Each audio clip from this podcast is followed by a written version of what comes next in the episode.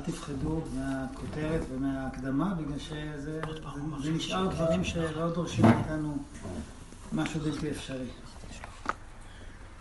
אנחנו ממש מתקרבים מאוד, כפי שידוע לכם, לליל הסדר,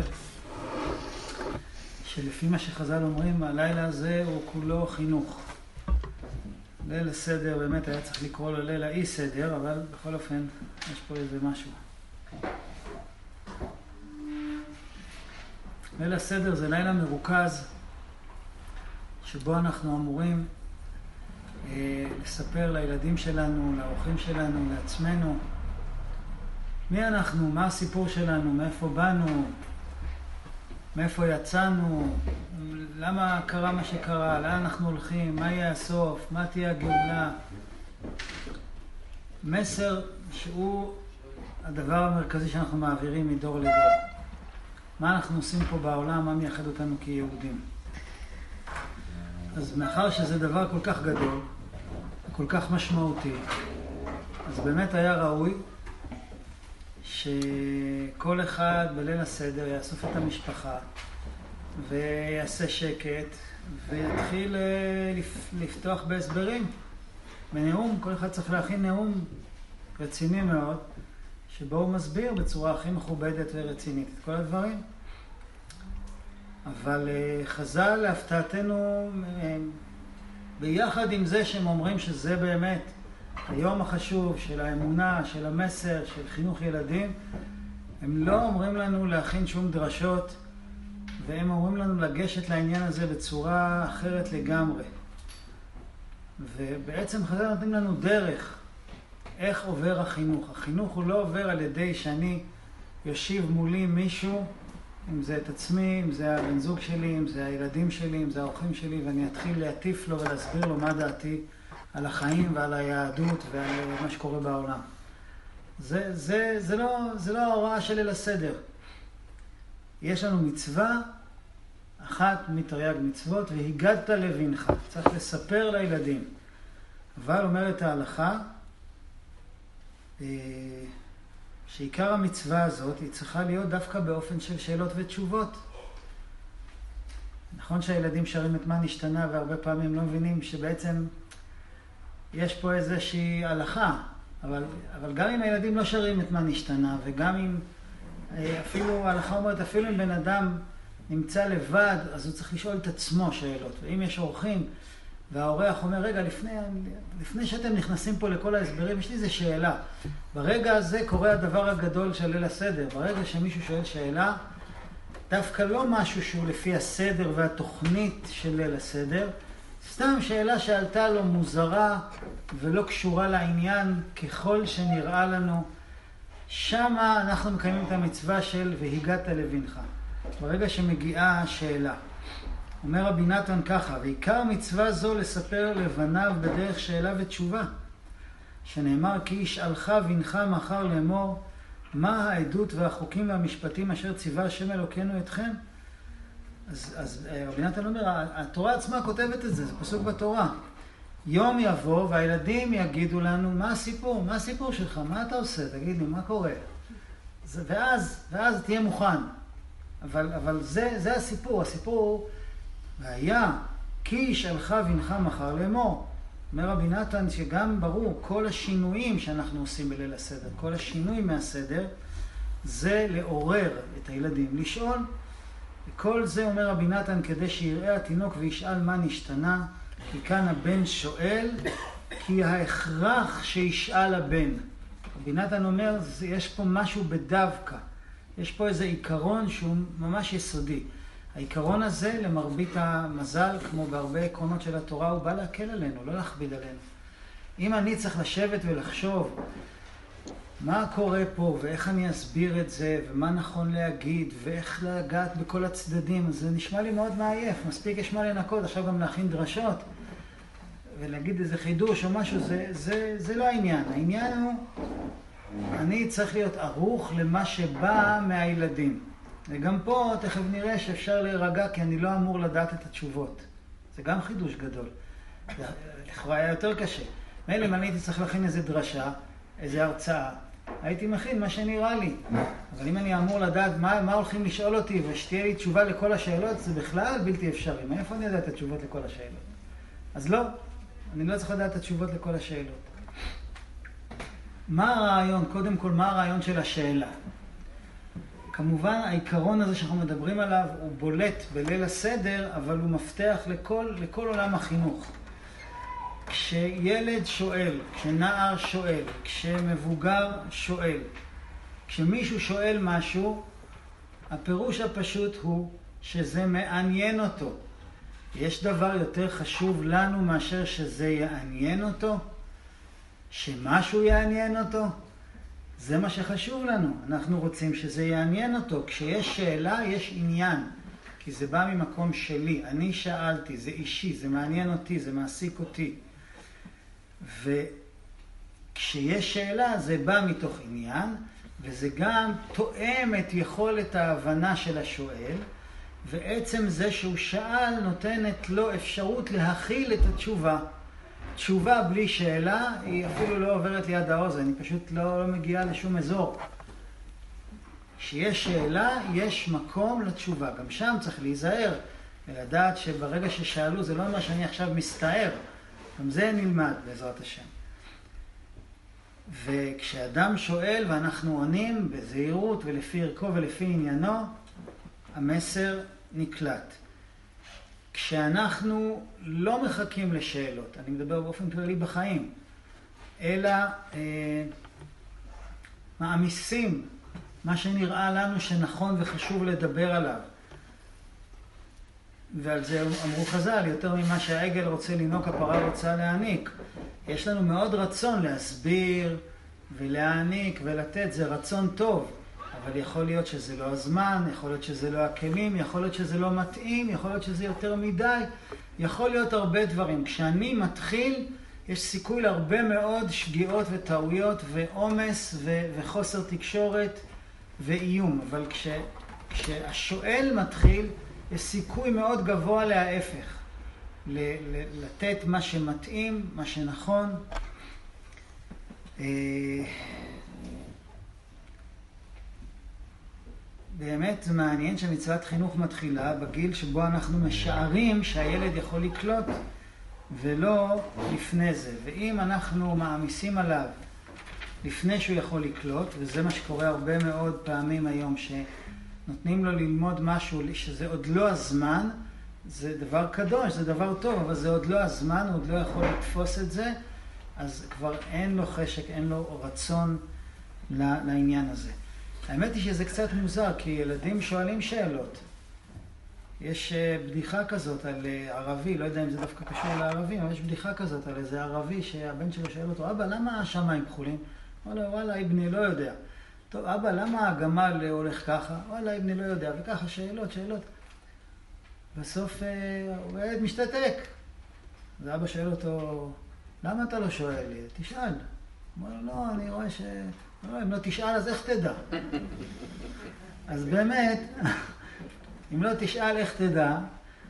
וילדים הם שואלים, אבל אם נשים לב, יש לנו, בגלל שאנחנו לא תופסים את משק... גודל הרגע, הרי הגורל של שאלות הילד, ותמיד כשילדים שואלים, אז הרבה, הרבה מאוד פעמים זה נראה לנו מאוד כאילו, אני עכשיו צריך להגיע לאיזה מקום, אני צריך עכשיו לעשות איזה משהו. מה עכשיו אתה שואל אותי כל מיני שאלות לא קשורות לכלום? מה אתה מבלבל לי את הראש עכשיו?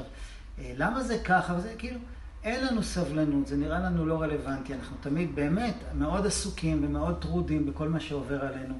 ובאמצע כלום, שאיזה ילד שואל למה לפרפר יש אה, שתי כנפיים והוא עף ככה ולא ככה, אז אנחנו עונים איזה משהו, אם בכלל, וכאילו, בהזדמנות נדבר על זה. ילדים כן שואלים, אבל אנחנו לא נותנים לזה את המשקל. זה לא אומר שחייבים מיד לענות על כל שאלה, אבל אם ילד יודע שהשאלות שלו הן חשובות, הוא ימשיך לשאול, ואם הוא יודע שהן לא חשובות, הן משעממות, הן מעצבנות, אין להן מקום אף פעם, אז הוא לא ישאל. חוץ מזה, הרבה פעמים אנחנו גם אה, עלולים, וזה קורה, כשילד שואל משהו שנראה לנו אה, כפירה, זה חוצפה, אז אנחנו, כאילו, אסור לשאול. אין כזה דבר אסור לשאול. אין שאלה שהיא לא לגיטימית. אם נסתכל בתנ"ך, נראה שאת השאלות המאוד קשות על אמונה, על השקפת עולם, שאלו דווקא צדיקים. מדוע דרך רשעים צלחה? לא שאל את זה נבוכדנצר. מי שאל את זה? אני לא טועה, זה ירמיהו הנביא, אחד הנביאים. למה רשעים מצליחים? גם משה רבנו, נכון, הקדוש ברוך הוא בא אליו קצת בטענה על השאלה. מדוע הרעות על העם הזה? מדוע זה שלחתני? תסתכלו בתיקון חצות. בתיקון חצות יש רשימות של שאלות קשות. המאוס מאסת את יהודה, אם בציון גאלה נפשך, מדוע הכיתנו ואין לנו מרפא? אורה, למה תישן השם? אם מישהו היה עכשיו אה, אומר את זה בעברית, אומר לו, ששש, מה קרה לך? מה, הקדוש ברוך הוא ישן. זה המן אמר לו, למה אתה ישן? קום, תתעורר, תעשה משהו. איך מדברים ככה? אסור לדבר ככה. זה כתוב בתיקון חצות, זה כתוב בתהילים. אז, אז, אז כנראה ששאלה זה לא עבירה. כמובן, יש שאלה שהיא, אנחנו נראה את זה בארבעה בנים שדיברה תורה, יש שאלה שהיא לא נכונה, היא לא בנויה נכון, אז צריך גם עליה לדעת איך לענות. אבל, אבל עצם השאלה, אפילו דברים שנראים קשים או מסובכים, צריך לתת לזה את הכבוד של זה. מה? אנחנו עכשיו נפרק את כל הארבעה, בעזרת השם. לא לחינם חז"ל סיפרו לנו את כל הסיפור הזה של כנגד ארבעה בנים. אבל גם כשעונים, אז קודם כל כבוד לשאלות. שאלות זה מפתח עצום לחינוך, וכל פעם שמישהו שואל משהו אנחנו צריכים לרקוד משמחה, בטח אם זה הילדים שלנו. לא משנה מה. אם אני מכבד את השאלה, אז, אני, אז עובר מסר, חשוב לשאול, מותר לשאול, לא צריך להיות אה, אה, רובוט, טוב להפעיל את המחשבה, לא לכל דבר יש לנו תשובה, לא כל דבר אפשר להבין עכשיו, אבל עצם השאלה היא טובה וחשובה ומכובדת, זה דבר ראשון. דבר שני, איך לענות, מתי לענות, מה לענות, אז יש לנו עקרונות של תשובה. יש את השאלה ויש את העקרונות של התשובה. בליקוטי מוהר"ן, חלק ב', תורה ז', רבנו מדבר על אה, איך להיות מנהיג. איך להיות מנהיג זה בפשטות לא, לא שונה מאיך להיות אבא ואימא, ששם בוודאי צריך לדעת איך להנהיג.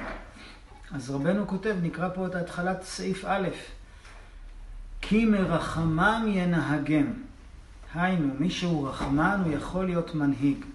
וצריך לידע איך להתנהג עם הרחמנות. וכן מי שאינו יודע איך להתנהג עם הרחמנות, אזי יוכל לרחם על תינוק של ארבעה ימים, ליתן לו מאכל צריך לגדול ולא לקטן כזה. כי קטן כזה צריכים לזונו רק על ידי חלב דווקא. כן צריך לדע איך להתנהג עם הרחמנות, שלקטן כזה צריכים לרחם, ליתן לו חלב דווקא ולגדול מאכל הצריך לו, וכן כל אחד ואחד במה שצריך לו. אז קודם כל רבי נחמן אומר, מי שרוצה להיות מנהיג, מי שרוצה להנהיג, הוא צריך להיות רחמן. רחמן זה לא אומר שאין לי דין ואין לי גבול. רחמן זה אומר שמה שמניע אותי זה אכפתיות. ואנחנו כל הזמן ביחסי אנוש, גם בזוגיות, גם בחינוך ילדים, גם סתם ביחסי אנוש. אחד הדברים הגדולים ביותר שאפשר וחשוב לעשות זה הפרדה בין הרגשות שלי לבין ש... בין הרגשות של השני. זה שני דברים שונים. יש את מה שאני מרגיש. כשילד מתחצף, כשילד אומר משהו שאני לא יכול לסבול לשמוע, כשהוא עושה משהו שלא נראה לי, אני מרגיש שפוגעים בי, פוגעים בכבודי, פוגעים בזמני, פוגעים אה, ב- בלב שנתתי, פוגעים בי. זה מה שאני מרגיש. כן, אבל זה דבר אחד, מה שאני מרגיש זה זה בעצם באופן מסוים קשור בכלל לסוגיה של ביני לבין השם, מה שאני מרגיש. ויש מה שהילד או מי שעומד מולי מרגיש. מה הוא מרגיש, מה הוא חושב. בתורה ו', ליקוטי מוהר"ן, רבנו מדבר על כמה דברים חשובים, מדבר על תשובה, ובסוף התורה הוא מדבר על עניין של לימוד זכות. ושם הוא אומר עיקרון גדול מאוד בלימוד זכות דווקא על מי שעשה לי עוול. הרבה אנשים עושים לנו עוול. אה, לא רק המשטרה ומס הכנסה והממשלה, גם אה, הקופאי בחנות, גם זה שחנה לנו באמצע החנייה ותקע אותנו, גם זה שלא נוסע במהירות שאנחנו רוצים, אה, גם הבן זוג שלנו, גם הילדים שלנו, כל הזמן עושים לנו עוול. זאת אומרת, פוגעים בנו, מתנהגים עלינו בצורה לא נכונה, לא ישרה, לא יפה, לא נעימה. פוגעים בנו. רבי נחמן אומר שם יסוד בעלבון ובפגיעה, לימוד זכות. לימוד זכות זה לא אומר שעכשיו כל אחד ידרוס אותי ויעשה לי מה שבא לו. זה לא... יש איך אני צריך להתנהג ויש לימוד זכות. לימוד זכות זה איך אני קורא את המפה. מה אני חושב על השני, על האדם שמולי. לימוד זכות על מי שפגע בי, אומר רבי נחמן, זה שבלי יוצא מן הכלל, אה, כל מי שעושה לי איזה עוול, אפילו עוול אמיתי, לפי דעתו והבנתו וסברתו, הוא עושה את הדבר הנכון והישר והצודק. ככה צריך להתנהג איתי. לפי דעתו, לפי הרגשתו, לפי הבנתו, ההתנהגות הזאת זה הדבר הנכון לעשות. יכול להיות שהוא טועה, אבל זה שולל את המחשבה שמי שפוגע בי נדיר, שמי שפוגע בי ישב וחשב, טוב, אני הולך לפגוע בו, עכשיו בואו נתכנן איך נעשה את זה הכי כואב והכי פוגע ובואו נעשה את זה. כשהבן זוג שלי פוגע בי, על פי רוב הוא לא ישב ותכנן את זה בדיוק איך לעשות את זה הכי פוגע. וגם כשהילדים שלי פוגעים בי, והם פוגעים בי כל הזמן, בהתנהגות שלהם, בדיבורים שלהם, בזה שהם לא עומדים בציפיות שלי, אף אחד מהם לא יושב וחושב, בוא נחשוב איך לפגוע באבא ואימא. הוא לא, הוא לא חושב את זה. הוא עושה את מה שנראה לו נכון. אז רבנו אומר פה, אם אתה רוצה להנהיג, אתה צריך לרחם. לרחם, אתה לא יכול להנהיג כשאתה עסוק בפגיעה שלך, ברגשות שלך. הרגשות שלך והפגיעה שלך הם אה, מטשטשים את היכולת שלך לראות את השני. בשביל להנהיג אתה צריך לראות את השני. אתה צריך להבין את השני. אתה צריך להרגיש את השני. כמו שאמרנו קודם, שאלה זה מתנה שאני יכול על ידי השאלה להבין איפה בן אדם שמולי עומד, מה הוא מרגיש, מה הוא חושב. זה לא שטות, זה לא טיפשות, זה לא כפירה. זה מה שהוא חושב, זה מה שהוא מרגיש. יש לי הזדמנות להנהיג אותו, להבין אותו. אז כי מרחמם ינהגם, מי שהוא רחמן הוא יכול להיות מנהיג. וצריך לדעת איך להתנהג עם הרחמנות. זאת אומרת, אני מרגיש אותך, תודה, אני, ואכפת לי ממך. אז מה אני עושה עם הרגשות שלי הפגועים זה דבר אחד. מה אני עושה עם מי שמולי? אני מרחם עליו. מרחם עליו זה אכפת לי.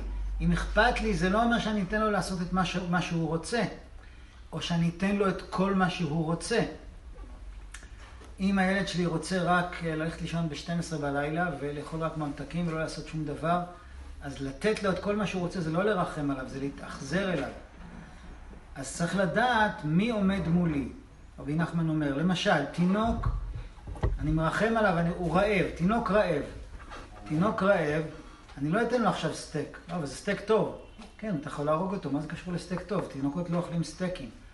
זה צריך להיות מתואם אליו, הוא צריך חלב, וגם לדעת, אולי הוא רגיש לחלב כזה, וכמה סיסי, ובאיזה צורה, ובאיזה שעה, ובאיזה זווית. אתה צריך להיות מדויק להבין מה הוא צריך. וכשם שתינוק ובוגר זה לא אותו דבר, ורבנו מדבר כאן על אוכל, כל דבר שאתה רוצה להשפיע, אתה צריך לדעת מי עומד מולך, בין כמה מי שעומד מולך. לא, הוא כבר בן 16, הוא צריך לדעת. יש אנשים בני 80 שבמנטליות שלהם הם בני שנתיים, מה זה קשור הגיל הכרונולוגי? תסתכל מי עומד מולך, מה הוא מסוגל להכיל, מה הוא מסוגל להבין, מה הוא מסוגל להרגיש. זה לא מה שאתה, זה משהו אחר, זה מישהו אחר. אתה צריך לראות מי נמצא מולך. ו... ואנחנו רואים שחז"ל באים ואומרים לנו, תסתכל על השאלות, אז בעצם הם אומרים לנו, תסתכל מי נמצא מולך. לפי השאלות אתה תדע מי נמצא מולך מה הוא מסוגל לקבל, באיזה מינון ובאיזה צורה.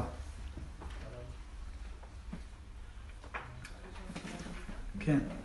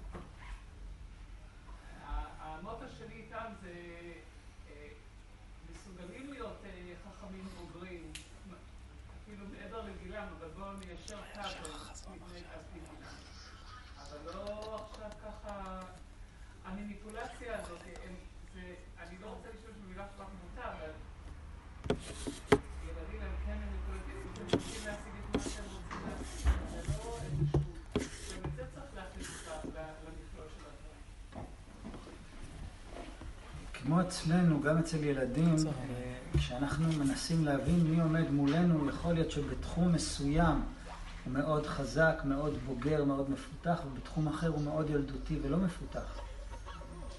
זה, זה תלוי, זה, זה לא רק לפי הילד, זה, זה גם לפי התחום. יכול להיות ששכלית הוא מאוד מפותח.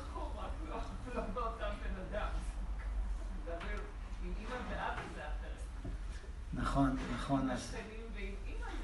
נכון, נכון. ביום א' זה ככה וביום ד' זה אחרת. יש בזה היגיון, יש בכל הדבר הזה היגיון. אז בוא נתחיל עם ההיגיון הכללי של חז"ל, בסדר? בסדר? קודם כל יש באמת אופי.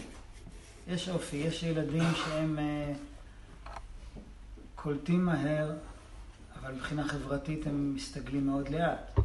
יש, יש ילדים שהקליטה השכלית שלהם היא איטית ומבחינה חברתית הם מסתגלים מאוד מהר. צריך לראות. בואו נראה, בוא נראה את הדגמים.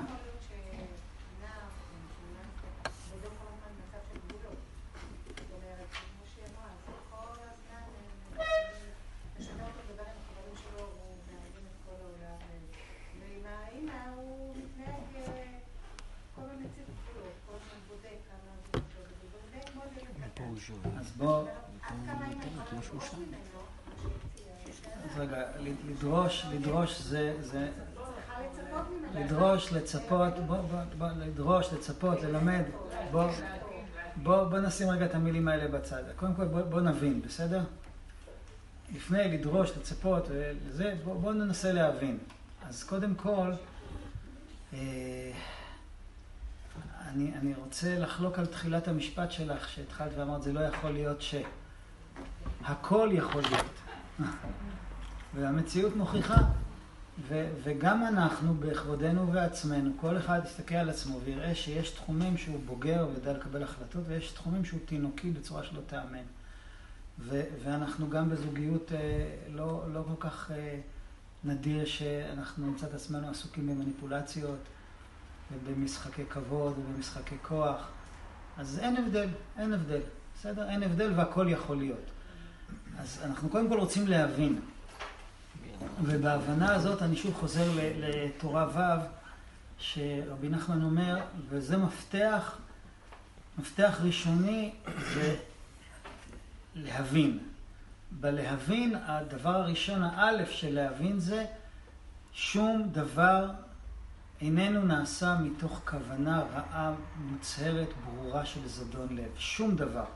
לא בזוגיות ולא בילדים ולא בחברים ולא ביהודים בכלל. שום דבר לא נעשה מתוך כוונה רעה וזדון לב. רוב העולם היום נמצא במצב, רבי שמעון בר יוחאי אומר, יכול אני לדון את כל העולם כולו לכף זכות, שנאמר, ענייה ושחורת ולא מיין. אנחנו שיכורים ולא מיין, אנחנו שיכורים מרוב טירוף, מרוב בלבול, מרוב לחצים, מרוב סימני שאלה, מרוב חוסר בהירות, ולכן אנחנו פועלים, גם אנחנו וגם הילדים שלנו, אנחנו פועלים מתוך הישרדות ומתוך בהלה. רבי נתן מתאר את זה בליקוטי תפילות בצורה מאוד מאוד פשוטה וברורה. אה, איך?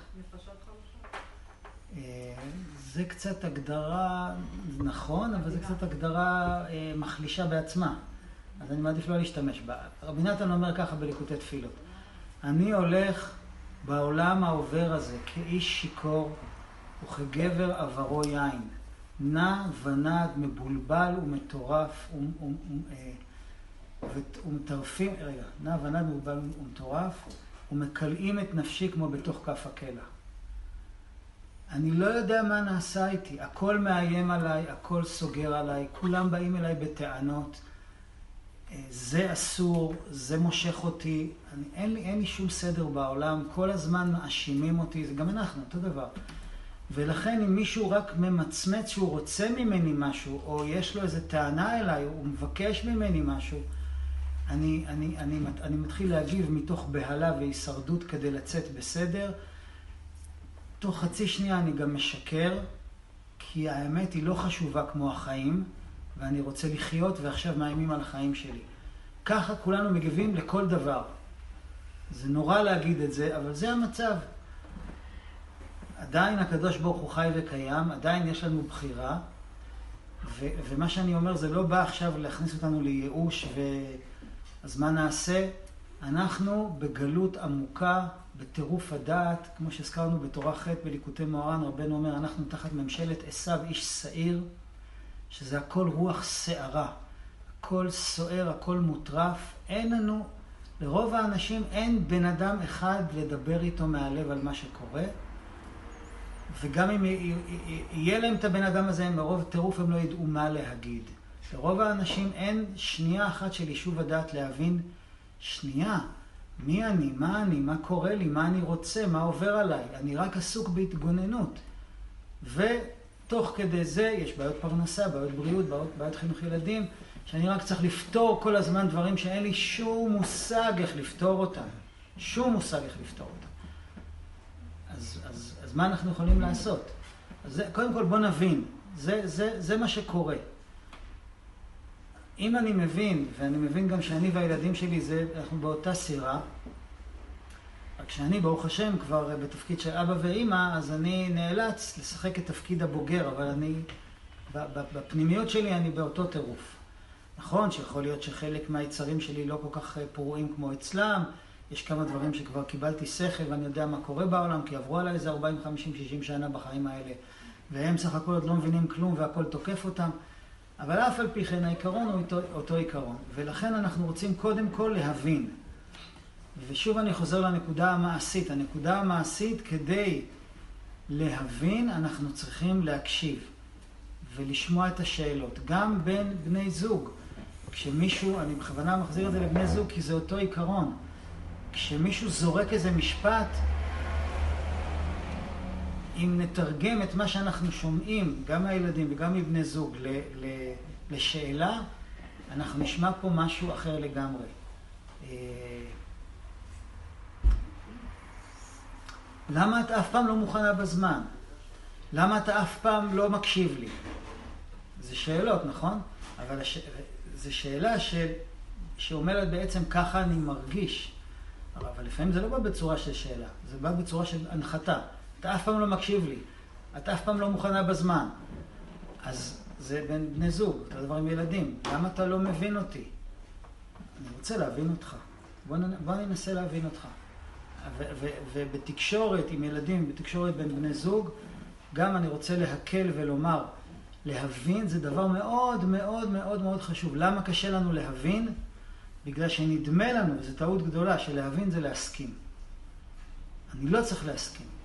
אני לא חייב להסכים עם שום דבר. אני יכול להרגיש הפוך, לחשוב הפוך, להאמין הפוך לגמרי. אבל אני חייב להבין. אם, אם אה, הילד שלי, הבן זוג שלי, משקר לי בפרצוף, אני חייב להבין שהוא מאוים. והוא מפחד להגיד את האמת כי הוא מפחד לחטוף. אני לא צריך להסכים עם זה, אני צריך להגיד לו, תמשיך לשקר. אני גם לא צריך להסתער עליו, איך אתה מעז לשקר. אני צריך קודם כל להבין. ואם אתה גם אומר למישהו שעשה עבירה, אני מבין אותך, כי אתה מנסה, אני מנסה להבין אותך, אני מבין אותך. זה לא אומר אני מסכים איתך. אני מבין אותך. והחידוש הגדול הוא שאני מבין אותך, זה הרבה פעמים פותר את הבעיה. אם אני לא, אם אני לא מצרף לזה, אני מסכים איתך. לא, לא, אני לא, גם לא צריך להכריז שאני לא מסכים איתך. אם אני אומר שאני מבין אותך, אז המסר הוא ברור, אני מבין אותך. אני רוצה להבין אותך, אני מנסה, תעזור לי להבין אותך. ואז הילד או הבן זוג אה, מחכה, טוב, אחרי שיגמרו להבין אותי, אז אה, אני אחטוף את המכה. כי אז יסבירו לי ויטיפו לי כמה שזה גרוע, שאני מעז לחשוב ככה או להרגיש ככה. וכשלא באה המכה, וזה נגמר ב"אני מבין אותך", אז, אז יש קרבה ויש הקלה ותבוא גם בקשת עזרה והכל יסתדר, לא צריך למהר להטפות. וכל זה אנחנו נראה גם בארבעה בנים. ושוב, ארבעה בנים זה גם ארבעה מצבים ביני לביני ובין בני זוג, זה, זה לא הולך רק על ילדים. אה, כן.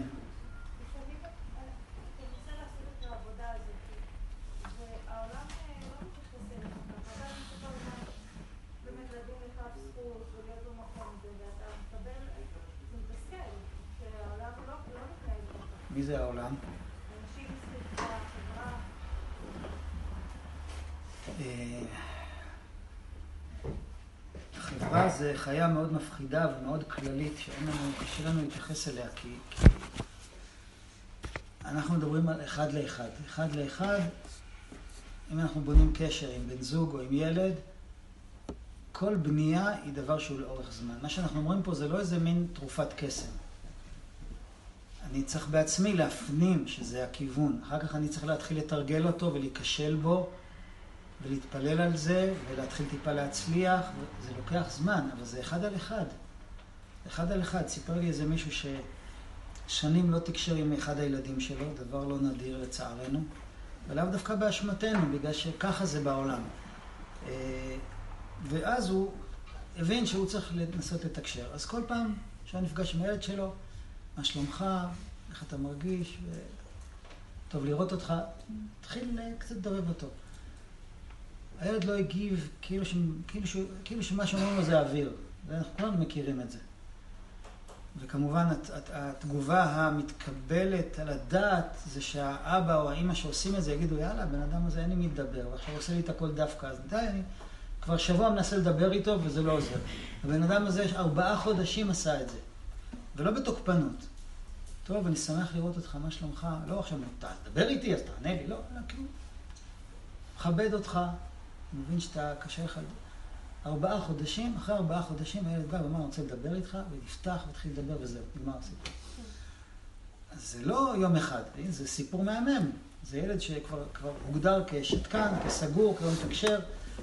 הוא רצה להיות, להרגיש מוגן. אחרי ארבעה חודשים הוא קלט, וואלה, זה אמיתי. יכול להיות שזה יכול לקחת גם ארבע שנים, אני לא יודע. אה, הסבלנות, המילה סבלנות היא קצת מציקה לי, בגלל ש... שזה נשמע נורא מתאמץ. זה לא צריך להיות סבלנות. לא, זה... אם אני, אם אני יודע שאני עושה את הדבר הנכון וייקח כמה שייקח, סבלנות זה אני סובל, אז מה שלומך? אתה לא תענה לי היום, אה? לא, אני לא אומר לך את זה, אני רק מחייך אליך, מה שלומך? אתה לא עונה לי. טוב, מה שלומך היום? נו, כבר שיענה לי. זה, זה סבלנות. סבלנות זה, זה, זה חוסר סבלנות. לא צריך סבלנות, צריך התמדה ואמונה. זה, זה, וגם לא עכשיו להסתער. אני עושה את שלי, אבנים שחקו מים. רבי עקיבא גילה לנו ש, שצריך טפטוף. טפטוף זה התמדה של מעט מאוד. ואנחנו כולנו רגילים שהסיפור של רבי עקיבא מלמד התמדה.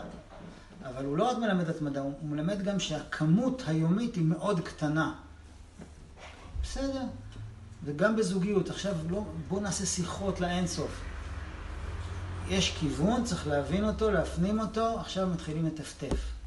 זה יהדות. עוד יום, עוד יום, עוד יום. הגמרא אומרת על לימוד תורה שזה אותו דבר. זמר בכל יום. לא בהסתערות. לאט לאט, קצת, קצת, קצת, קצת, עד שזה נתפס. אז, אז ממילא המילה סבלנות היא, היא בעצם מסבירה שאין לנו סבלנות, כי אנחנו באמת, בצדק, רוצים לראות תוצאות בכל התחומים. ואני כבר מיואש, וכבר, וכבר, אני כבר ניסיתי את כל השיטות ואת כל הסדנאות ואת כל הדברים, שום דבר לא עזר. אז הנה אנחנו הולכים למשהו מאוד קל ושפוי. לאט, לאט ומעט, וגם לא, לא לפעול מתוך בהלה. אני לא צריך לפתור, אני צריך לפתוח. אני פותח אפשרויות. חוץ מזה, הזכרנו את זה בשיעורים הראשונים. לילדים שלנו ולבני הזוג שלנו יש בחירה. אני עכשיו לא מצאתי איזה נוסחה להפעיל את הילד או את הבן זוג. אי אפשר להפעיל אף אחד. אפשר, אבל אם אני אעשה דברים בהפעלה, זה בדיוק ההפך משאלה.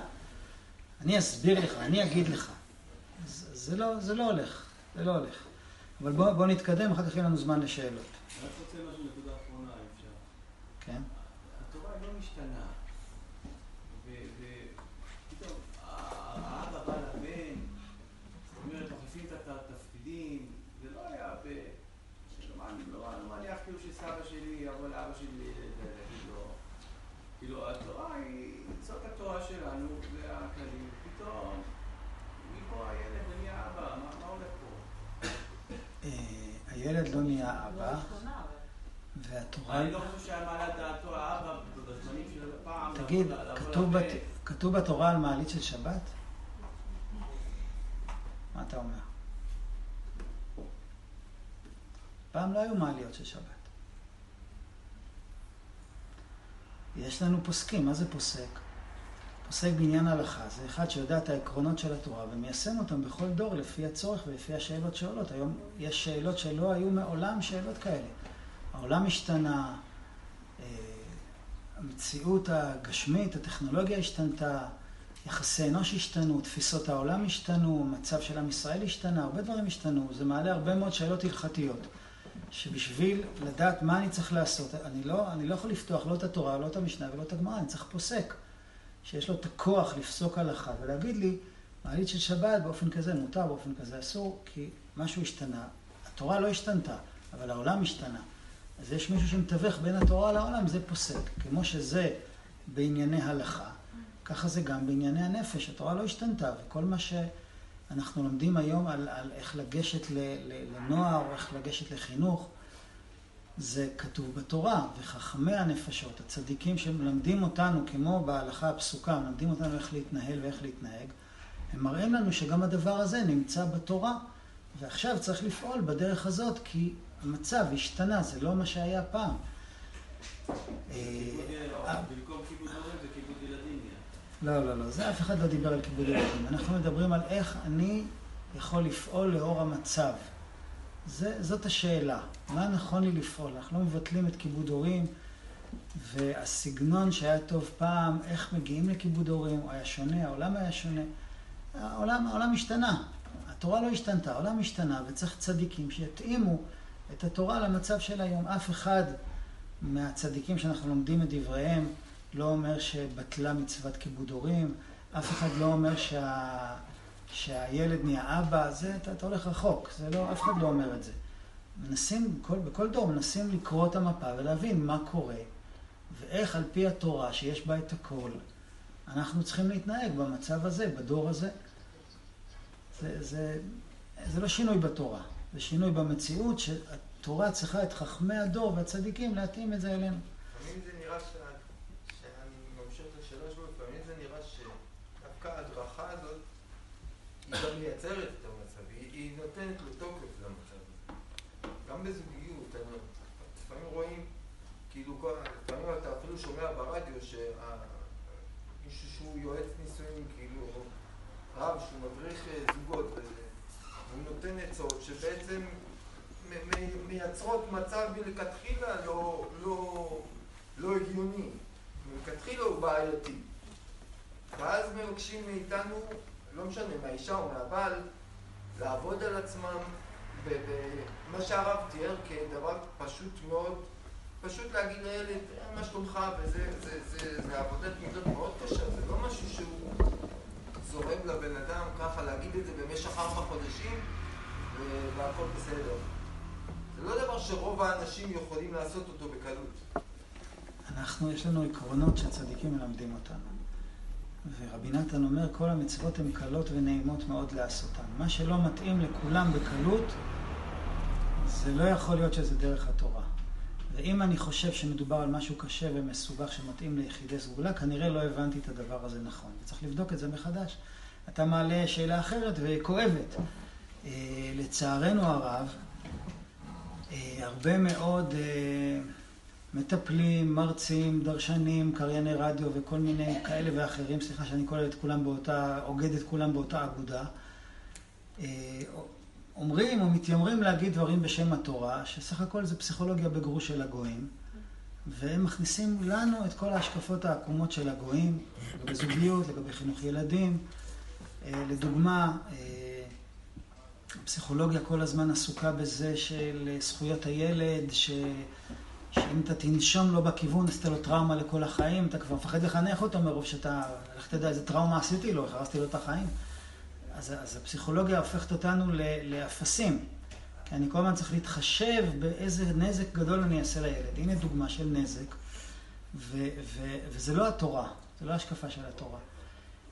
ויצא מזה באמת תקלות. לכן אנחנו, במסגרת הגלות שאנחנו עוברים, צריכים לעשות בדיקה טובה ומעמיקה ולהיות חשדניים גם לגבי דעות שמושמעות בשם התורה, ולברר מי אמר, איפה זה כתוב, האם זה באמת מסתדר? כמו שהיום, ברוך השם, בעולם הרפואי, אנשים כבר פתחו את העיניים. פעם היה, רופא זה אלוקים בעצם. כי מה שהוא אומר זה, זה, זה, זה לא תורה מסיני, זה יותר מסיני חלילה.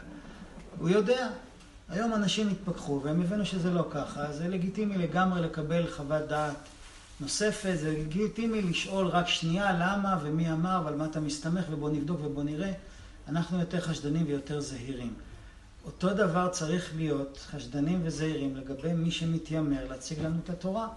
אחד הדברים הטובים שקרו לי בתהליך התשובה שלי זה שיום אחד, ממש יום אחד הבנתי ש... שעובדים עליי. אף אחד לא עובד עליי מתוך כוונה רעה, אבל אני פשוט קונה כל מה שכתוב בכל אלון שבת וכל מה שיוצא מפה של כל אחד שקוראים לו תלמידיו הרב. ואז הם מבלבלים אותי ומשגעים אותי, ואני צריך להפסיק עם האמונה העיוורת הזאת, ולשאול את עצמי, רק שנייה, מי אתה, מי שמך, מי הסמיך אותך, איפה זה כתוב, למה אתה חושב ככה, איך זה מסתדר עם זה, אני צריך בעצמי לפתח את השריר של התורה, שאני, שאני אוכל גם להגיד, רק שנייה, מסתדר לי, לא מסתדר לי. לא שאני נהייתי סמכות על, אבל אני גם לא יכול לקבל כל אחד באשר הוא, בגלל שיש לו כך וכך חסידים. או כך וכך מטופלים, או כך וכך אה, עלוני שבת, או כך וכך סיפורים על אה, מעשיו.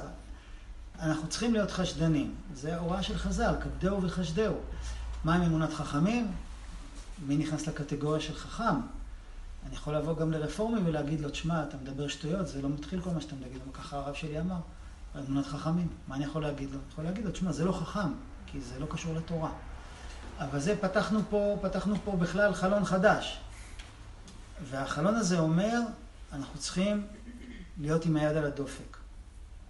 לברר, לשאול, כמו שדיברנו פה על הילדים, גם על עצמנו. תשאל, תברר, תבדוק, תבחן, עם השכל, עם הלב, עם, עם אנשי תורה. לא יודע, ת, תעשה, תעשה את הבדיקות שלך. אבל, אבל אה, אנחנו לא יכולים ולא אמורים להיות אה, מובלים על ידי כל מי שיש לו איזו הילה כזאת או אחרת. שזה באמת באמת נקודה בעייתית. אבל אה, מה שאתה אומר כשלעצמו, אני שוב חוזר. אני, אני, אני, אני לוקח נגיד את מה שרבי נתן אמר, מבחינתי זה, זה נר לרגליי. כל המצוות הן קלות ונעימות מאוד לעשותן. אני יכול לדבר רק על זה שעה, להוכיח את זה ממקורות של חז"ל. לא יכול להיות שמה שהקדוש ברוך הוא דורש ממני, הופך אותי לגמור. לא יכול להיות. ואם ככה אני מרגיש, אני צריך ללכת אחורה לחפש איפה היצר רע עבד עליי ומה הוא הוסיף לי תוספות שהן בכלל לא קשורות לתורה. זה, זה עיקרון, זה עיקרון. אותו דבר כאן, אנחנו מדברים על עקרונות. אה, אתה אומר, צריך הרבה עבודת המידות אה, כדי לשתוק אה, ארבעה חודשים. השאלה, אם אני, אם, אם אני, אם אני עושה, שוב, זה, זה לא על רגל אחת, אבל אם אני עושה עבודה בלהבין שאני והילד שלי נקלענו לאותה גלות ועוברים את אותם קשיים ומסובכים עם אותם דברים, אני קודם כל מפסיק לשנוא אותו ולהסתכל עליו בעין רעה. ואני מבין שמה שהוא עושה, הוא לא עושה בכוונה לפגוע בי, אז משם, מההבנות האלה, יש לי יותר סבלנות. אני מאמין שהוא רוצה טוב, והוא יגיע לטוב, הוא רק מסובך עם כל מיני דברים. ואני עושה עבודת המידות, נכון, עבודת המידות, אבל לא נורא מסובכת, כי אני לא אמור עכשיו לשבת איתו שלוש שעות ביום ולדובב אותו. אני אמור לתת לו את המקום כדי להתבטא. זה לא מבטל את עניין הגבולות, זה לא מבטל שום דבר. זה בדרך הטבע, אמרנו את זה כמה פעמים, בדרך הטבע כשמדברים על משהו אחד זה נראה כאילו מבטלים את הצד השני. אם אנחנו נדבר עכשיו על אמונה, זה ייראה כאילו אנחנו מדברים נגד השתדלות. אם נדבר על השתדלות, זה ייראה כאילו אנחנו מדברים נגד אמונה. עכשיו אנחנו מדברים על להקשיב, אז, אז להקשיב ולהבין, זה מראה כאילו אנחנו מדברים נגד גבולות וכיבוד הורים. זה לא, זה נישה שצריך לטפל בה. לטפל בה ולפתח אותה, וחז"ל אמרו, לעולם תהיה שמאל דוחה וימין מקרבת, הם נתנו לנו, הם נתנו לנו את שני הצדדים. אולי פעם אה, שמאל דוחה הייתה יותר אה, פעילה, למרות שאמרנו, חז"ל מסבירים, למה דווקא שמאל וימין, למה לא יד ימין ויד שמאל? בגלל שימין היא היד החזקה, וכשאומרים לי שמאל דוחה, הכוונה שהדחייה צריכה להיות חלשה יותר מהקירוב. הדבר הדומיננטי צריך להיות, וזה, חז"ל אומרים את זה גם על ילדים וגם על זוגיות. הדבר הדומיננטי צריך להיות קירוב. ואם כבר הזכרנו את זה, אז כדאי לדייק. את מי דוחים ואת מי מקרבים. שמאל דוחה. את מה היא דוחה? את הרוע, את העבירות, את המידות המושחתות. את זה היא דוחה. וימין מקרבת. את מי מקרבת? את הנשמה הטהורה עם הכוונות הטהורות שנמצאת מולי. אני מקרב את הטוב ודוחה את הרע. אם אני מתבלבל, אני דוחה אה, את הטוב, ואני אומר, אני כאילו שם איקס על, על הבן אדם, על הבן זוג או על הילד, אז לא, אז לא, אז לא עשיתי כלום. או אם אני אומר, לא משנה, תעשה מה שאתה רוצה, זה נתן עכשיו קירבתי את הרע. לא, הרע אני דוחה, אמרנו, הבנה זה לא הסכמה. יש פה, יש פה עקרונות, זה, זה נמצא בתוך ההוראה של חז"ל. לעולם תהיה שמאל דוחה, ימין מקרבת. כמו כל דבר, אנחנו עכשיו שומעים את זה, מדברים על זה, צריך זמן לעכל את זה, להתנסות בזה, לטעות בזה, עד שלומדים, אתה יודע, עד שלומדים לנהוג לוקח קצת זמן, וכל פעם מעלים לנו את הרף, כי מבינים שאתה לא יכול לשים ילד על ההגה. אז, אז ודאי שדברים כאלה לא מבינים ולא קולטים ביום אחד, אבל היצר רוצה כל הזמן לייאש. זה לא כזה קל, זה נורא קשה. אם נחזור לרבי עקיבא, כשזה הדרגתי ומועט, שום דבר לא אמור להיות קשה. כמו לימוד תורה, אף אחד לא מתחיל ללמוד 12 אה, שעות ביום. גם אף אחד לא חייב להגיע ל-12 שעות ביום. לאט לאט, לאט לאט. בכל דבר זה לאט לאט ומעט מעט. ואם תופסים את זה, אז, אז, אז הדעת מתיישבת שלא דורשים ממני פה איזה מהפכה. מהפכות זה, זה, לא, זה לא הדרך שלנו. טוב, נחזור לארבעה בנים. נתחיל ארבעה בנים. אה, חז"ל אומרים לנו שיש ארבעה סוגים של שאלות, של שואלים. אה, אז קודם כל אני רוצה שוב לחזור לנקודה אחת שאמרתי. אם אני אתן לו, אני שמעתי את זה מפורשות מכמה אנשים שאמרו, העלו את השאלה הזו. אם אני אתן לו לשאול, הוא עוד עלול לשאול משהו שאני לא אדע לענות. ואז אני אצא טיפש. ואז uh, המצב שלו יחמיר, כי הוא רואה שאין תשובה לשאלה הזאת. זה טעות. למה זה טעות? כי אני לא אלוקים. ברוך השם, מקל, מקל, מאוד מקל הדבר הזה. אני לא אלוקים. אני לא כל יכול, אני לא כל יודע. וחלק מהחינוך זה לה, לה, להגיד, לה, להעביר לילד את המסר מה זה בן אדם. בן אדם אינו אלוקים. הוא לא יודע הכל, הוא לא מבין הכל, הוא לא יכול לפתור את הכל והוא לא מושלם. כאילו, כשאני מחנך ילד, אם, אם, אם הילד שלי יבין שאדם הוא לא אלוקים, הוא לא כל יכול, הוא לא מושלם, ו, והוא לא אמור לפתור את כל הבעיות, אז, אז הוא יוכל להתחיל להתמודד עם החיים שלו. אבל אם אני, בטעות, זו המצאה של עשיו, יש לי רב, רק הכל, שלמות, שלמות, שלמות. יעקב אומר, יש לי קול, יש לי כל מה שאני צריך, אבל אין לי שלמות, אין לי את הכל. אין לי, אין לי רב, אין לי הרבה. אה, אם אני חושב שאני צריך להוכיח שלמות ולא לטעות ולדעת הכל, נניח שהצלחתי להנחיל את זה לילד שלי, אז הרסתי אותו. כי אם אני אומר לילד שלי שהוא חייב להגיע לשלמות, ברגע שהוא יגלה, כמו שכל אחד מאיתנו מגלה, שהוא נכשל והוא לא מוצלח והוא לא מושלם, אז הוא יגיד, אם ככה, אני לא, אני לא במשחק, אני לא בסיפור. זה לא בשבילי העולם הזה. אם אני אגיד לילד, אני חייב לדעת הכל, אז גם הוא יחשוב שהוא צריך לדעת הכל. ואז כשהוא לא ידע משהו, הוא ירים ידיים. ההודעה בחסרון היא חלק מצוין מהחינוך שלי. הנה הילד רואה שאני טועה, ואני מצטער, ואני יכול להתחרט, לא כל דבר אני יודע. אני מכבד שאלות, ואני לא נבהל משאלות. אני לא ממהר לענות. שאלה טובה, אני לא יודע. אה? יותר גרוע זה לתת תשובה שבכלל היא לא נכונה, העיקר לתת תשובה. נכון, אז יש כמה, כמה פתרונות מבוהלים. אחד, לתת תשובה שהיא לא נכונה, העיקר לתת תשובה. שתיים, זה בגלל שאני לא יודע תשובה לסתום לו את הפה שאסור לשאול. יש כל מיני, אבל הדבר הכי טוב זה להגיד... נגיד תשובה שהוא לא יכול להכין. אני שומע, אני מנסה להבין את השאלה. יכול להיות שאני לא יודע את התשובה, יכול להיות שאני לא יודע להסביר את התשובה. בוא נראה, בוא נלמד ביחד איפה מחפשים תשובות. הולכים לבן אדם יותר חכם, יותר תורני. בוא נראה, אולי כתוב את זה בספרים. איזה, איזה כבוד לתורה ולחכמים ילד מקבל כשהוא רואה שאבא שלו יש לו גם סמכות מעליו, והוא לא יודע לענות על כל דבר, והוא הולך ומחפש תשובה יחד איתו. הנה, ביחד אנחנו מכוונים לסמכות האמיתית של החיים. יש תורה, יש חכמי תורה. אם רק האבא תמיד יודע לענות על הכל והכל מושלם והכל נהדר ויש תשובה לכל דבר, אפילו אם היא אמיתית, אז הילד אומר, אני, אני לא כזה, אני מכיר מישהו כזה ש...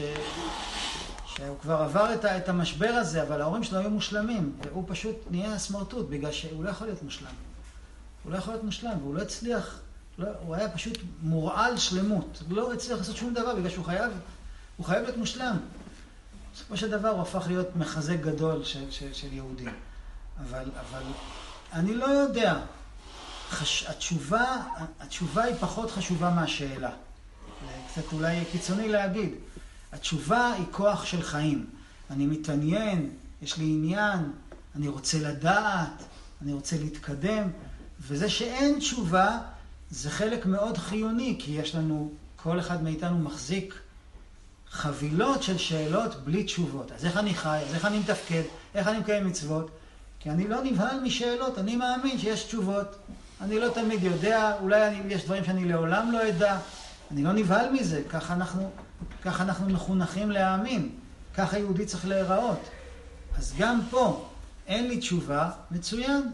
אני יכול לחפש, יכול להיות שאני גם לא אמצא, יכול להיות שזה גם עניין של גיל או ניסיון. לא כל מה שבן אדם מבין, חז"ל אומרים שעם ישראל לא עמדו על דעתו של משה עד שעברו כמה עשרות שנים. עם ישראל, קדושים, צדיקים, לא הבינו, היה צריך לעבור הרבה גלגולים בשביל להבין מה, מה מדברים. אז אם אני מראה שאני לא יודע את התשובה ואני מעריך את השאלה, אני מעריך, אני נותן דחיפה לעניין, לסקרנות, לרצון ללמוד. אני הופך את המושג אנושיות לדבר מרכזי, זה אנושי. ואנושיות יוצרת אמון. בשביל לתקשר עם ילדים צריך אמון. ו, ושלמות יוצרת חוסר אמון. בגלל שעל פי רוב, שלמות אין לה כיסוי. באמת צריך להיות, בוא נגיד, כשאנחנו מייחסים למישהו שלמות, אנחנו כבר מזמינים את, את הכפירה הבאה שלנו, בגלל שרבי נחמן אומר, העולם אומרים, בני אדם בעולם אומרים, כשבן אדם, כשצדיק טועה, אנשים אומרים, אם הוא טועה, הוא לא צדיק. ואם הוא צדיק, הוא לא טועה. זה, זה הש, השקר של השלמות. אם הוא צדיק, הוא לא טועה. טעה, הוא כבר לא צדיק, הוא כלום. ונחמן אומר, צדיק יכול לטעות. ואם הוא טועה, הוא נשאר צדיק.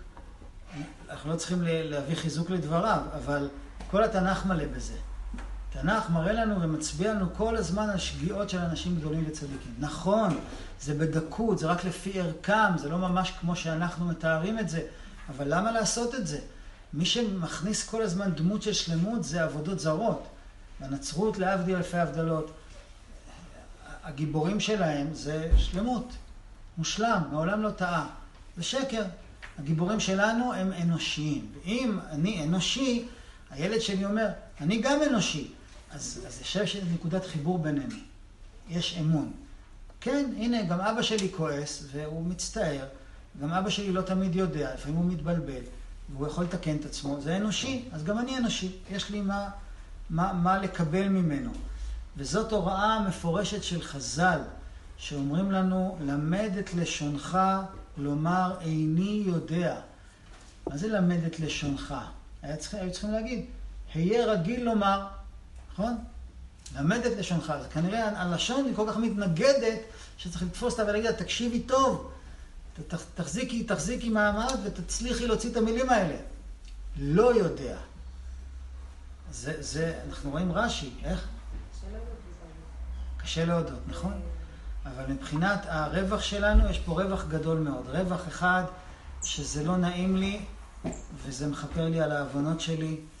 ורווח שני, מי שאני מודה בפניו על טעות, אם זה בן זוג, אם זה ילד, ישר מתקרב אליי, ישר נותן בי אמון. הנה, בן אדם הודה, בגלל זה אנחנו נקראים יהודים, ככה חז"ל אומרים. יהודה הודה, אנחנו נקראים יהודים על שמו. והוא הודה בפני עולם ומלואו ובפני כל המשפחה, בפני כל הצדיקים, בטעות אה, שהשם ישמור. אז זה, זה המעלה שלנו, זה לא החיסרון שלנו. מי שיודע להודות, הוא, הוא מתקדם. מי שרק מסתיר את האמת, כי הוא מפחד, לך תדע מה יקרה, הוא מפסיד. למד את לשונך לומר איני יודע. אנחנו רואים כמה פעמים ברש"י. רש"י קורא שהוא הוא מגיע לאיזשהו משהו שלא מובן, הוא שואל שאלה והוא אומר, אני לא יודע. אז אל תשאל, תעבור הלאה, למה אתה צריך להעלות את השאלה? אתה לא יודע את התשובה, למה אתה מספר לי שאתה שואל? רש"י אומר, השאלה חשובה, יש פה ש... את השאלה כן ראיתי. תשובה אני לא יודע, מישהו שימצא, אני לא, אני לא אחראי על כל התשובות. אבל יש פה שאלה, הוא לא מתבייש להגיד, אני לא יודע, והוא כותב את זה, זה כתוב. לא יודע. ו, ואם אני אומר, בוא נלך ונברר, נפתח ספרים ונברר אצל אנשים גדולים, כבר הרווחנו. בואו נראה את ארבעת הבנים. אה, נתחיל דווקא עם הרשע.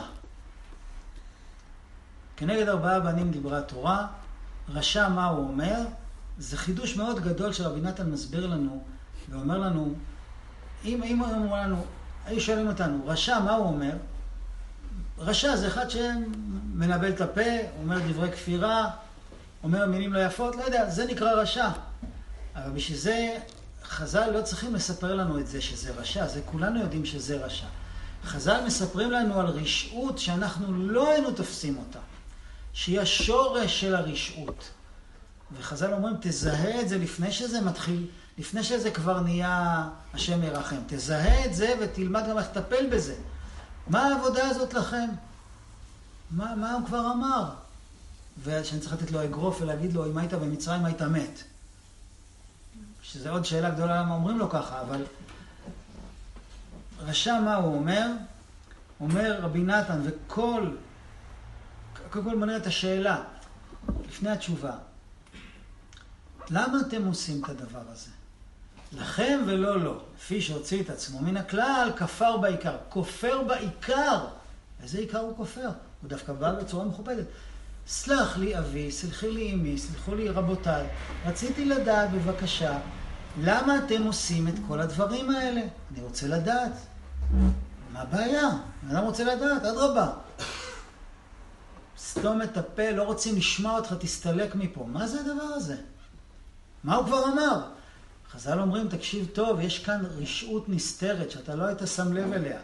מה הרשעות הנסתרת? מה העבודה הזאת לכם? לכם ולא לו. למה אתם עושים את זה? אליי זה לא קשור.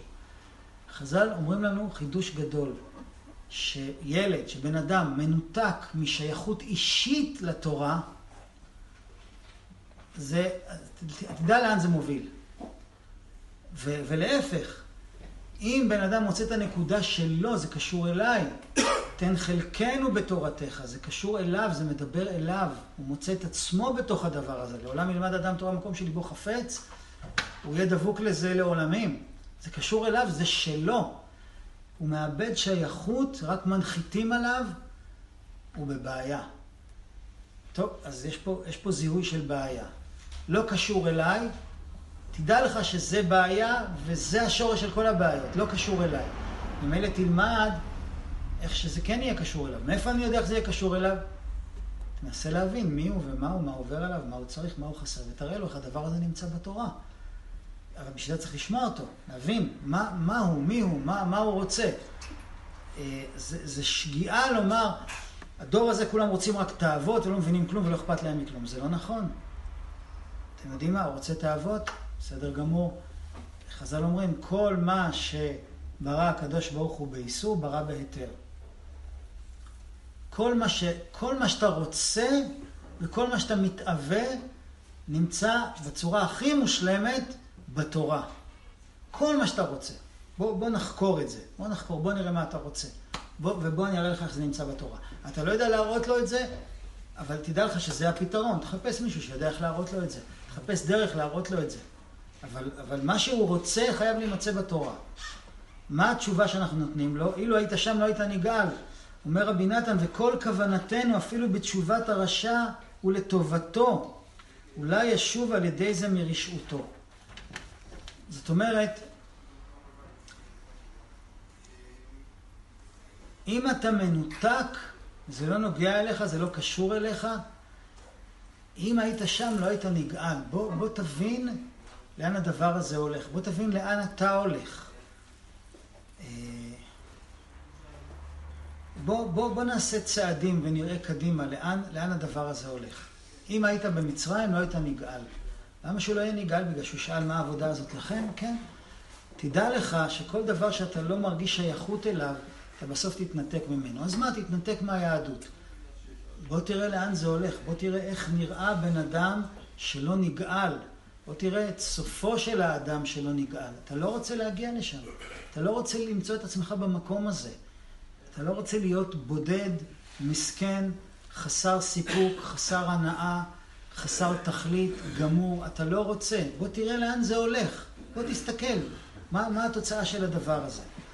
זה אה, רשע.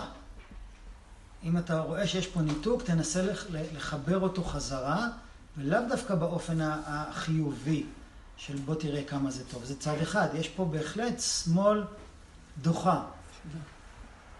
איך? הפחדה? זה לא הפחדה, זה...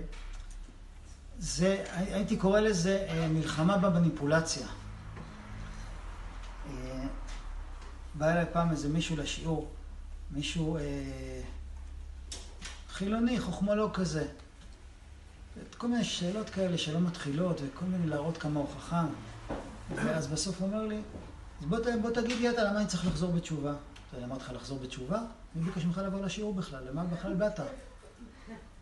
מה זאת אומרת? אתה אמור, אתה אמור לדעת אה, מה זה היהדות ולהחזיר אותי בתשובה? אמרתי לו, לא. אני, מי, ש, מי שזה מעניין אותו, אני אשמח לענות לו, זה לא נראה לי שזה מעניין אותך. מה בכלל באת? היה בהלם, הוא ציפה, ש... הוא ציפה לשחק איתי במשחק של אני חייב לשרת, להסביר לו ולקרב אותו. תשמע, זו בחירה שלך, תעשה מה שאתה רוצה, יכול... מה אתה רוצה ממני? אז יש פה, זה, זה, זה צריך להיות חכם בדבר הזה, אבל יש פה את הבחינה הזאת, לא להיכנס למניפולציה של, אה, הוא יודע שאני רוצה לקרב אותו, אז עכשיו הוא יתחיל לשחק איתי. בחירה שלך, תעשה, תעשה מה שאתה רוצה. אם היית במצרים, לא היית נגאל. זה אולי ציניות. זה לא ציניות, זה אני לא משתף פעולה עם המניפולציות שלך. אני לא, אני לא, תקשיב, אתה, אתה לא תעשה לי טובה בזה שאת, שאתה חוזר בתשובה. אתה תפסיד. אתה תפסיד. אני, אני אסתדר. אתה יודע, אני לא... אל תעשה את זה בשבילי. תסתכל על עצמך, לא תראה לאן אתה תגיע. אל תשתמש בי, כי אני נורא רוצה. אני נורא רוצה. אני רוצה, אבל, אבל אה, אני לא יכול לעשות לך את זה בכוח. רבי נתן כותב... מה המטרה בזה שאנחנו אומרים לו, אם היית במצרים, לא היית ניגע? אז רגע, אני רוצה לקרוא לכם את דברי רבי נתן על העניין הזה. הרב, אפשר להשוות את זה לילד שבעצם כביכול מעפים אותו ליהדות, ואז בעצם כשהוא גודל זורק את הכל. כי לא באמת... אז אמרנו, אנחנו רוצים ושואפים לתת לו שייכות. אבל מצד שני, אם הוא בוחר, חלק מה, מה... בתוך הבחירה שלו ללכת נגד, יש אחוז שדיברו עליו פה של מניפולציה, של אה, לראות איך אני מזיע, אה, להחזיר אותו לדרך המוטב. אני יכול להגיד, שמע, זה מאוד כואב לי, אבל uh, אני רוצה שיהיה לך טוב. זה, זה, זה אתה עושה לעצמך, זה בחירה שלך. אתה צריך להזכיר לו שיש לו בחירה. אילו היית, ובוא תראה לאן מובילה הבחירה שלך. אילו היית שם, לא היית נגאל. טוב לי, אבל טוב לי. בוא, בוא נבחן, בוא נבחן לאן זה לוקח. עכשיו טוב לך, בסדר גמור. עכשיו טוב לך, עכשיו אה, בפעם הראשונה שלקחת סמים היה לך טוב. בוא תשמע רגע מה קורה למי שלוקח סמים אחרי שנה ושנתיים. הוא נהיה גנב, הוא נהיה רוצח, הוא נהיה חולה בגוף, הוא נהיה חולה בנפש ובסוף הוא מת. בואו נסתכל ביחד ונראה סרטים, בואו נשמע אנשים שעברו את זה. שמע מניסיוני, רק תדע לאן שאתה הולך, בחירה שלך. אל תנסה להפעיל אותי. בוא תראה לאן זה הולך. למה לא באים אליו מצד הלימוד זכות בשאלה? כי כמו השאלה... שלמדנו קודם. כי פה יש קנטרנות. דוחה. איך? השמאל דוחה. פה חייב להיות שמאל דוחה, כי, זה, כי השאלה היא לא... אני בשום פנים של ואופן... הרשע אנחנו צריכים. בשום פעם, אנחנו צריכים לזהות בשאלה שאין פה, הוא לא רוצה לדעת. הוא, למה אתם עושים את זה? גם כן בא אליי פעם איזה מישהו, הוא לא רוצה לעצבן, אבל הוא כל כך מנותק, שאני צריך להסביר לו שמדובר ברשעות. גם בא אליי פעם איזה מישהו מאוד מלומד, איזה חוקר, אה, חוקר דתות, לא יודע מה, אני מאוד מכבד יהדות. אני עושה עבודה אה, אוניברסיטאית על אה, זרמים ביהדות, והייתי רוצה לשמוע, אמרתי לו, חס ושלום שאני אשמיע לך איזה אפילו דבר הכי קטן ביהדות. אמר לי, למה? מה פתאום? אמרתי לו, כי אתה יהודי, ויהדות זה לא משחק אוניברסיטאי. אתה מוזמן. הנה הדלת, אתה מוזמן ללכת. אז כאילו, תקשיב, יהדות זה משהו אמיתי וחי, וזה שלך. אם אתה בא ומתייחס לזה בתור משהו קר, אתה לא ציני. אתה לא, אתה, אתה, אבל אתה מתייחס לזה בצורה כל כך מגעילה ומכוערת וחיצונית ושטחית, שאני פשוט לא יכול לסבול את השאלה שלך, זה לא שאלה בכלל.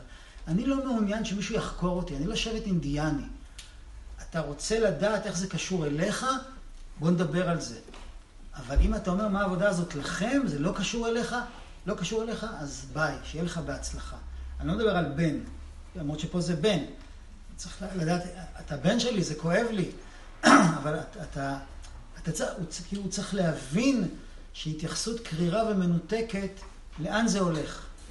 לא, בוא אני אסביר לך מה העבודה הזאת לכם. אם, את- אם אתה שואל לכם, אם אתה שואל בצורה מנותקת, תשובה על השאלה לא תקבל. יהדות זה רק למי שבאמת זה מעניין אותו. עזוב, בוא לא נדבר על יהדות, בוא נדבר על כדורסל. עזוב אותי עכשיו מיהדות. לא, אתה רוצה לדבר על יהדות? לא, איתך לא. כי זה לא באמת מעניין אותך. תגיד לי, מה מעניין אותך? כדורסל מעניין אותך? בוא נדבר על כדורסל, אני רוצה לדבר על דברים שמעניינים אותך. אתה אמור לזעזע אותו, להראות לו שהוא טועה בגישה שלו. שוב, זה, זה לא דבר פשוט. תראו רגע רבי נתן, בואו נקרא רגע מה רבי נתן אומר. אני רוצה לעורר בו שיתפוס כמה חמור זה חושר, חוסר השייכות שלו, לאן זה יכול להגיע, על מנת להחזיר אותו לשייכות, שהוא, שהוא יגיד לי, לא, אני כן, זה כן, אני אומר לו לא, כדי שהוא יגיד לי כן. אני רוצה רגע לקרוא לכם את מה שרבי נתן כותב על זה. לא כבני קושיים אתם. נכון, בדיוק. אה, אני, רוצה לעשות לו... תראו מה רבי נתן כותב. סיפר לי, הוא אומר מה שרבנו סיפר לו, סיפר לי שדיבר עם אחד שהיה קובל לפניו מאוד על ריבוי מעשיו הרעים המכוערים. זה דיבור טיפה שונה, אבל זה אותו עיקרון. כי זה האיש היה חפץ מאוד להתקרב להשם מטבח ולצאת ממעשיו הרעים. אך בכל פעם התגברו עליו יותר, עד שעברו עליו ימים ושנים הרבה, ולא זכה לצאת ממה שהיה צריך לצאת. אך אף על פי כן חיזק את עצמו ביותר, וחתר בכל פעם להתקרב להשם יתברך, והיה קובל לפניו מאוד מאוד על החירות מעשיו. לכאורה היה צריך לחזק אותו, נכון? אתה עושה טוב, תתעודד. אבל הוא היה כבר כל כך משוכנע, זה לא בדיוק אותו סיפור, אבל זה אותו עיקרון. היה כל כך משוכנע שאין לו שייכות. אז רבנו ענה לו, זה מאוד מפתיע שזה מה שרבנו אמר לו, אבל זה רבי נתן מספר לנו. השיב לו רבנו ז"ל בחוכמתו, בתמימות ובפשיטות, אין לי עם מי לדבר, כי כבר כולו רע. עזוב, אתה גמור. מה זה, מה זה הדבר הזה? ותכף נתעורר האיש הנ"ל וענה ואמר לרבנו, הלא אם זה אני מתגבר לפעמים להמשיך את עצמי לקדושת ישראל. ענה רבנו ואמר לו, הוא מעט דמעט. סתם, זה כלום, אתה מדבר איתי שטויות, מה זה, זה, לא משמעותי מה שאתה עושה. ות... אבל עכשיו הוא התהפך, עכשיו חזר לימין מקרבת. וה- ותכף אמר לו שירגיל את עצמו ללכת עם תורת הזמרה, למצוא בעצמו טוב. אומר רבי נתן, כל זה סיפר לי רבנו ז"ל. הבנתי כוונתו הקדושה שדווקא על ידי זה החיה את האיש. כי כבר נפל בעיני עצמו כל כך עד שלא היה אפשר לו להחיותו בשום דבר, רק שאמר לו שהוא כולו רע. אז נתעורר והתחיל להרגיש מעט נקודות טובות הנמצאים. ורבי נתן אומר שזה גם בבן אדם על, על עצמו כשהוא רואה שהוא רע. אז פה הבן אדם הזה אפילו לא מבין שהוא רע, הוא סתם אומר, אני לא, אני באמת טוב לי, אני מאושר, אני רק רוצה להבין. תשמע, זה לא מעניין אותך, בוא לא נדבר על זה. אני רוצה לדבר באמת רק על דברים שמעניינים אותך. מה, מה אתה אוהב לאכול? אתה אוהב סושי? אתה אוהב סטייקים? מה אתה אוהב? אתה מטלטל אותו. לא, אתה רוצה לדבר על יהדות? לא, לא. בצורה כזאת עדיף לא לדבר על יהדות. אה, אז למה? למה? למה? דווקא כן, כן. זה, זה נותן לו איזושהי... ולהסביר לו למה. כן, להסביר לו למה. אז מי שמנותק, אנחנו מנסים למצוא דרך יצירתית לעורר לו את נקודת ההתקרבות. ו... ולעשות לו שמאל דוחה. יש פה גם שמאל דוחה. זה הרשע, שאנחנו מזהים בו רשעות של, של ניתוק. חכם, מה הוא אומר? מה העדות והחוקים והמשפטים אשר ציווה השם אלוקינו אתכם? לכאורה, שאלה מצוינת. חכם, נכון? יש חוקים, יש משפטים.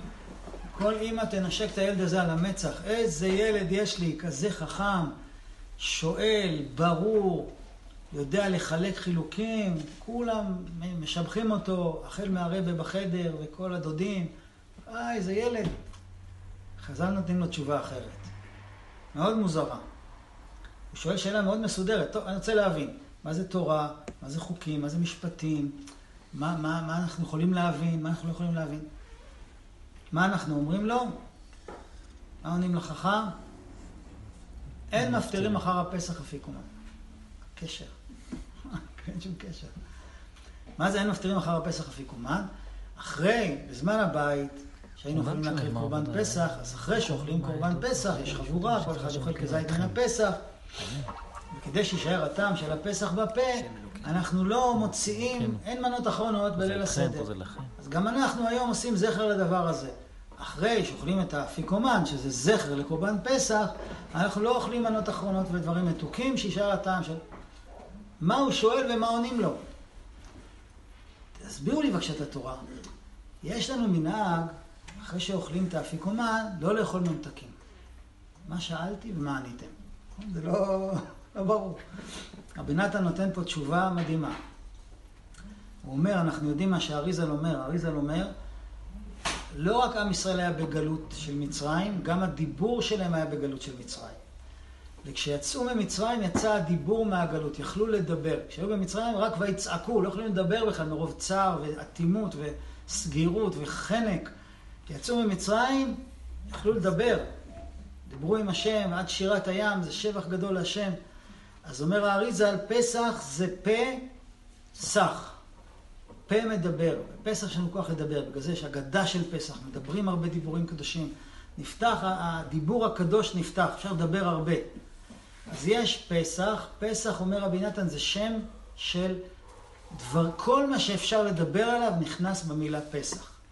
וכל מה שאי אפשר לדבר עליו, כי הוא למעלה מתפיסתנו והשגתנו, הוא נקרא אחר הפסח. אומר רבי נתן, אומרים לחכם, תקשיב טוב. אתה שואל טוב, אתה רוצה ללמוד תורה, זה בסדר גמור, אבל יש לך בעיה. אתה יודע מה הבעיה שלך? החוכמה שלך. בעולם סוגדים לחוכמה, אנחנו היהודים לא סוגדים לחוכמה. חנה, אימא של שמואל, ביקשה, אני מבקשת איש בין אנשים. מה זה איש בין אנשים? אחד הפירושים, לא חכם ולא טיפש. שואלים חז"ל, למה לא חכם? למה לא טוב? חכם. אז חנה אמרה, היה לנו כבר אחד פיקח במשפחה.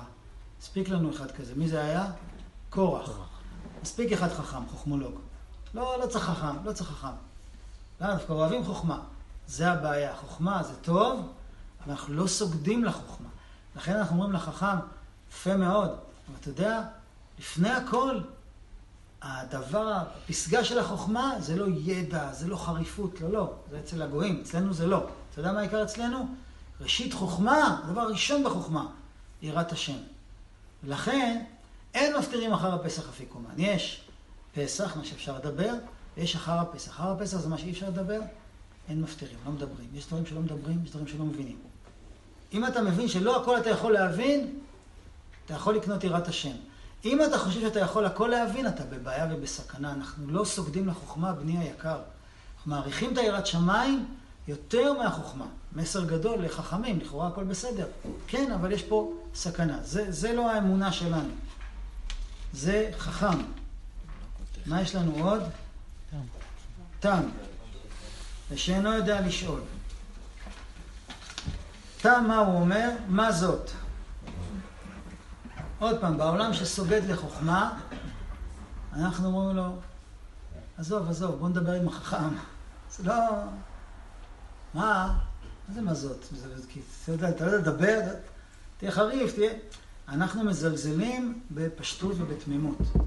זה נחשב אצלנו כמום, בגלל שהעולם סוגד לחוכמה. העיקר זה חוכמה. וכמו שאמרנו, גם בתורה זה לא התכלית. תכלית זה יראת שמיים. אז, אז תם שואל בתמימות, מה קורה פה? אנחנו צריכים לתת את הכבוד לשאלה הזאת, והוא רוצה לדעת בתמימות, אנחנו עונים לו בתמימות. בוא תשמע, הוא היחיד שאולי מתאים לתוכנית שלנו הראשונית, בוא נדבר. אני אגיד לך מה אני חושב, מה, מה קורה הבא, מה קורה מה... תשמע, עבדים היינו לפרעה במצרים, יוצאים מהשם משם. אנחנו מכבדים את התמימות שלך, ונותנים לך תשובה לפי ערכך. לא מחפשים עכשיו שכל אחד יגיד פלפולים וחוכמות. מי שיגיד פלפולים וחוכמות, אנחנו נגיד לו, יפה מאוד, אבל העיקר זה יראת שמיים, כן? זה גם סוג של שמאל דוחה. ומי שישאל בתמימות, נגיד לו, מצוין, בוא נענה, יש כבוד גם לתמימות. הרביעי הוא הכי, הכי מוזר. הרביעי שותק. סגור. לא מדברים איתו, הוא לא מדבר. לא משתף פעולה, אולי זה לא מעניין אותו. חז"ל שוללים את זה. חז"ל אומרים, אין אחד שלא מעניין אותו. אין אחד כזה. אין אחד שאין לו שאלות, תשכחו מזה. אין אחד שאין לו עניין. לכל ילד ולכל בן אדם יש עניין ויש לו מה להגיד, ויש לו שאלות ודברים מציקים לו. אתה רואה שהוא שותק? תדובב אותו. תדובב אותו. תלמד להגיע אליו. זה הוראות של חז"ל. זה, מתי נכתבה ההגדה? זה לא פסיכולוגיה של 2019. תדובב אותו. בוא נראה. ואחד המפרשים אומר, את, זה, זה, זה, למה את ולא אתה? בגלל שזה לשון של אישה ורכות. תן לו, תפתח לו, פתח לו. מה אתה אומר? איך אתה מרגיש? אז הוא לא עונה מיד, בסדר. זה לא אומר שאין לו שאלות. אני, את זה עם הבן שלי, שכל פעם שאני לא שואל אותו ישירות, מה שלמה או מה קרה, אני רק uh, נותן לו את הספייס שלו, את המקום שלו, פתאום מביא איזה שאלה. וואו, יפה, אני נותן לזה את הכבוד. אבל אם אני בא אליו ככה, אני שואל, הוא לא עונה. לא, אני רוצה לדעת. אל תשאל אותי, אל תשאל אותי. אז, אז תן לו, תן לו, תמצא לו את הדרך, וכשהוא ישאל, והוא ישאל, אין, תש... תשכח מזה שיש אחד שלא לא מעניין אותו. אז בוא, הוא בן חמש וחצי. וצריך לדעת שכל מה שאמרנו, זה תופס בכל גיל. לא צריך להתחיל בגיל שנה, אפשר להתחיל בגיל 18, גם בגיל 20 אפשר להתחיל. כי ילדים תמיד צריכים את ההורים שלהם, ותמיד מחשיבים אותם, ותמיד רוצים לדבר איתם. ו- ושוב, אם אני לא בא מתוך אשמה ומתוך ייאוש ומתוך בהלה, תמיד אפשר להתחיל. אז בואו נסכם רגע את מה שאמרנו. אני לא אמור להטיף, אני לא אמור להסביר, אני אמור להיות קשוב ולראות מה בא מהם, ולתת הרבה כבוד לשאלות. אני לא אמור לדעת את התשובות, אבל כבוד לשאלות זה, זה מחנך, זה מגדל, זה מעביר מסר מאוד משמעותי של חשוב לשאול, חשוב לברר. אני גם לא יודע, זה דבר גדול, אני לא מושלם, בוא נלך לברר, ולראות מה הוא שואל, ולפי השאלה לתת, לתת מענה. וכמובן, מיותר לומר, אבל בכל אופן נאמר שכמובן צריך סייעתא דשמיא לכל הדבר הזה, וזה תפילה, וגם בתפילה, שוב נזכיר את הסיפור של רבי נתן, גם בתפילה היצר הרע רוצה להגיד לנו, אז עכשיו, אתה רואה את כל הדבר הזה? אתה רואה כמה זה רחוק ממך? מה, אתה בכלל לא יודע מי הילדים שלך? מה אתה יודע מה טוב להם? אתה רק יכול לעשות טעויות, אתה יכול להרוס אותם, והנה, אתה עושה להם טראומות, תעשה להם שריטות, תעשה להם לא יודע מה. אז רק אם תקרא את השמיים זה יעזור. אז אנחנו, אין מצווה בתורה לקרוא את השמיים, ורבי נתן מספר, וזה סיפור מאוד מאוד חשוב לגבי תפילה, כמו לגבי חינוך, כמו לגבי תקשורת זוגית, כמו לגבי תורה, כמו לגבי כל דבר. כל דבר אמיתי, קדוש, חייב לבוא מאוד מאוד לאט ובהדרגה. מאוד לאט. ועוד יותר לאט, עוד יותר בהדרגה. כמה שיותר לאט, כמה שיותר בהדרגה, יש לזה יותר סיכוי להצליח. רבי נתן מספר שסיפרו לרבי נתן על איזו אישה אחת שחטפו את הילד שלה, לא עלינו, לקנטוניסטים, שלא יודע, בגיל כמה שנים לקחו ילדים, החזירו אותם בגיל 25 כבר גמורים, אם, כבר חזרו, אז יהודים הם בטח כבר לא נראו כמו יהודים. וכשחוטפים ילד, אז הלך על הילד. אישה אחת, חטפו לה את הילד, נכנסה לבית כנסת, פתחה את ארון הקודש, בכתה, צעקה, עד שהיא נפטרה מרוב צער. סיפרו את זה לרבי נתן. רבי נתן אמר, לא טוב עשתה. מה זה לא טוב עשתה? מה, מה, אימא יהודייה, ככה עושים? אז, אז יש דרך. רבי נתן אומר, אם הייתה באה אליה, הייתי מראה לה דרך בתפילה, שבוודאי הייתה מחזירה את הבן שלה וגם רבים אחרים, חתיכת הבטחה. עם כל הכאב, עם כל הצער, אם היא הייתה עושה את זה בצורה מדודה ומועטה, לאט לאט ומעט מעט כל יום, היא הייתה בוודאי מגיעה לזה. ולא, ללא הכרח בכל הדרמה שמסביב, עם כל הכאב. אני מכיר, זו משפחה שהיו שתי אחיות, היה להם אח, שתי אחיות חזרו בתשובה, התחתנו, האח שלהם לא רצה לשמוע על זה, וזה היה מהסוג האטום ממש, ברמה של, הוא לא נגד, זה פשוט לא מעניין אותו. אז זה בכלל, אין, אין פה עם מי להתווכח אפילו, פשוט, הוא לא מעניין אותו. הם עשו עסק ביניהם להתפלל עליו כל יום חמש דקות. זהו. וכך עברו מספר שנים. ויום אחד, בעל של אחת מהן בא אליי ואמר שהוא התקשר ואמר שהוא רוצה לשמוע על יהדות. הוא לא... אף אחד לא דיבר איתו, אף אחד לא הטיף לו, הוא גם לא רצה לשמוע, זה פשוט לא עניין אותו. אחת שלו חזרו בתשובה, יום אחד הוא בא, התייצב, רצה לשאול, ברוך השם היום הוא אברך בעל משפחה בביתר.